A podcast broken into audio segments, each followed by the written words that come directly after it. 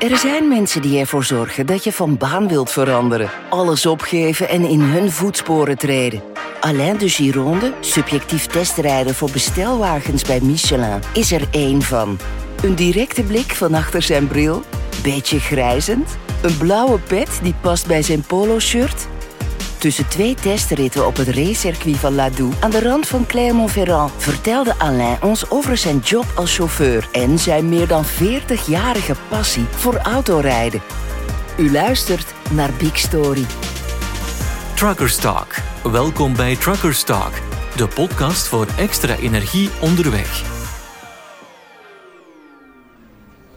Je suis entré chez Michelin en 1979 comme technicien suggestion. Je venais de passer trois ans à l'école d'enseignement technique Michelin. Ik kwam in 1979 bij Michelin als technicus. Ik had net drie jaar op de technische school van Michelin gezeten. Herinnert Alain zich. In die tijd stond de school bekend als De Missie. Een soort talentenincubator, voordat die werd uitgevonden. Deze heel jonge werknemer verliet het bedrijf om zijn dienstplicht te vervullen en trad vervolgens weer in dienst, maar dan in Mont-Solemin, een kleine stad verder naar het noorden, in Bourgondië.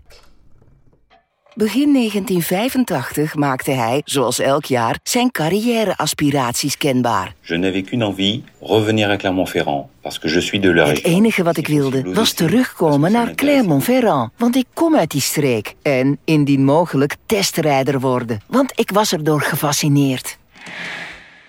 Was het geluk of was het lot? Michelin had testrijders nodig voor zijn autobanden. Bingo! De jonge technicus ging naar Ladoux, een van werelds beste testcircuits voor het testen van banden. De droom kwam uit. Het was het begin van zijn carrière als testrijder. In 1991 had de bandenfabrikant een nieuwe testrijder nodig voor bestelwagenbanden. De toenmalige testrijder ging bijna met pensioen. Het was een geleidelijke overdracht. De 1992 à 95, j'ai fait aussi bien des essais tourisme que camionnette. En 1996, lorsque mon collègue est parti, Van 1992 tot 95 testte ik zowel personenwagen als lichte vrachtwagenbanden. In 1996, toen mijn collega vertrok, heb ik hem natuurlijk vervangen. En ik heb tot vandaag te maken gehad met bestelwagens in bandentests lacht Alain. Voor iemand die, langer dan hij zich kan herinneren, altijd al testrijder heeft willen worden, is hij 40 jaar later nog steeds even enthousiast. Ce que j'aime le plus, évidemment, c'est la conduite. La manière de conduire lorsque l'on est essayeur est particulière parce qu'il faut être répétitif, extrêmement rigoureux dans la manière de manœuvrer. Wat ik het leukste vind, is natuurlijk het rijden. De manier waarop je rijdt als testrijder is anders, omdat je repetitief en extreem rigoureus moet zijn in de manier waarop je manoeuvreert. Bijvoorbeeld als je een bocht neemt, moet je dat op dezelfde manier doen met alle banden die we analyseren. Als we een verschil creëren in de manier waarop we rijden, is er onvermijdelijk een verschil in het resultaat. Als we hem vragen aan welke subjectieve test hij de voorkeur geeft, antwoordt Alain zonder aarzelen testrijden op sneeuw. Le plus gros des tests neige subjectifs pour les camionnettes se déroule chaque hiver en France à Barcelonnette, dans les Alpes de Haute-Provence. Het merendeel van de subjectieve tests op sneeuw voor lichte vrachtwagens vindt elke winter plaats in Barcelonnette, in de Alpes de Haute-Provence.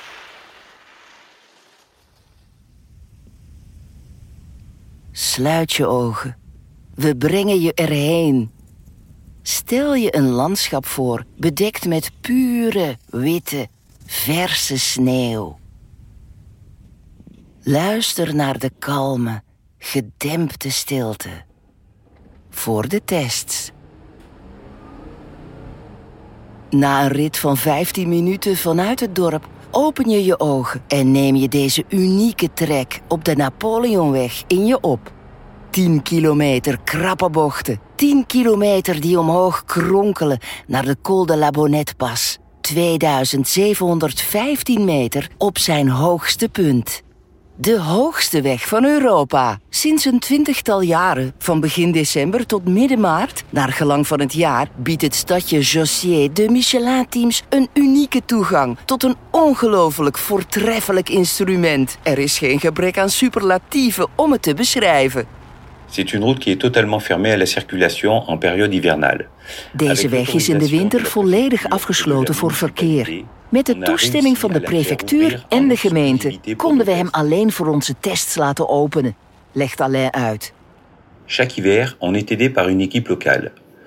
Nous leur avons mis à disposition des engins du type chasse-neige. Elke winter worden we geholpen door een plaatselijk team. Wij zorgen voor voertuigen, zoals een sneeuwploeg, een sneeuwvrees, een sneeuwruimer enzovoort. Deze twee mensen bereiden de piste elke dag voor en plaatsen een werfhut voor de Michelin-technici en testpiloten.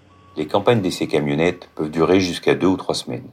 We gaan er twee tot drie weken naartoe, maar niet achter elkaar. We kunnen geen twee tot drie weken voorraad banden meenemen. Onze collega's van vier seizoenen autobanden gaan er ook heen. We werken met een roostersysteem. We hebben niet per se elke winter nieuwe modellen, maar we testen veranderingen en verbeteringen.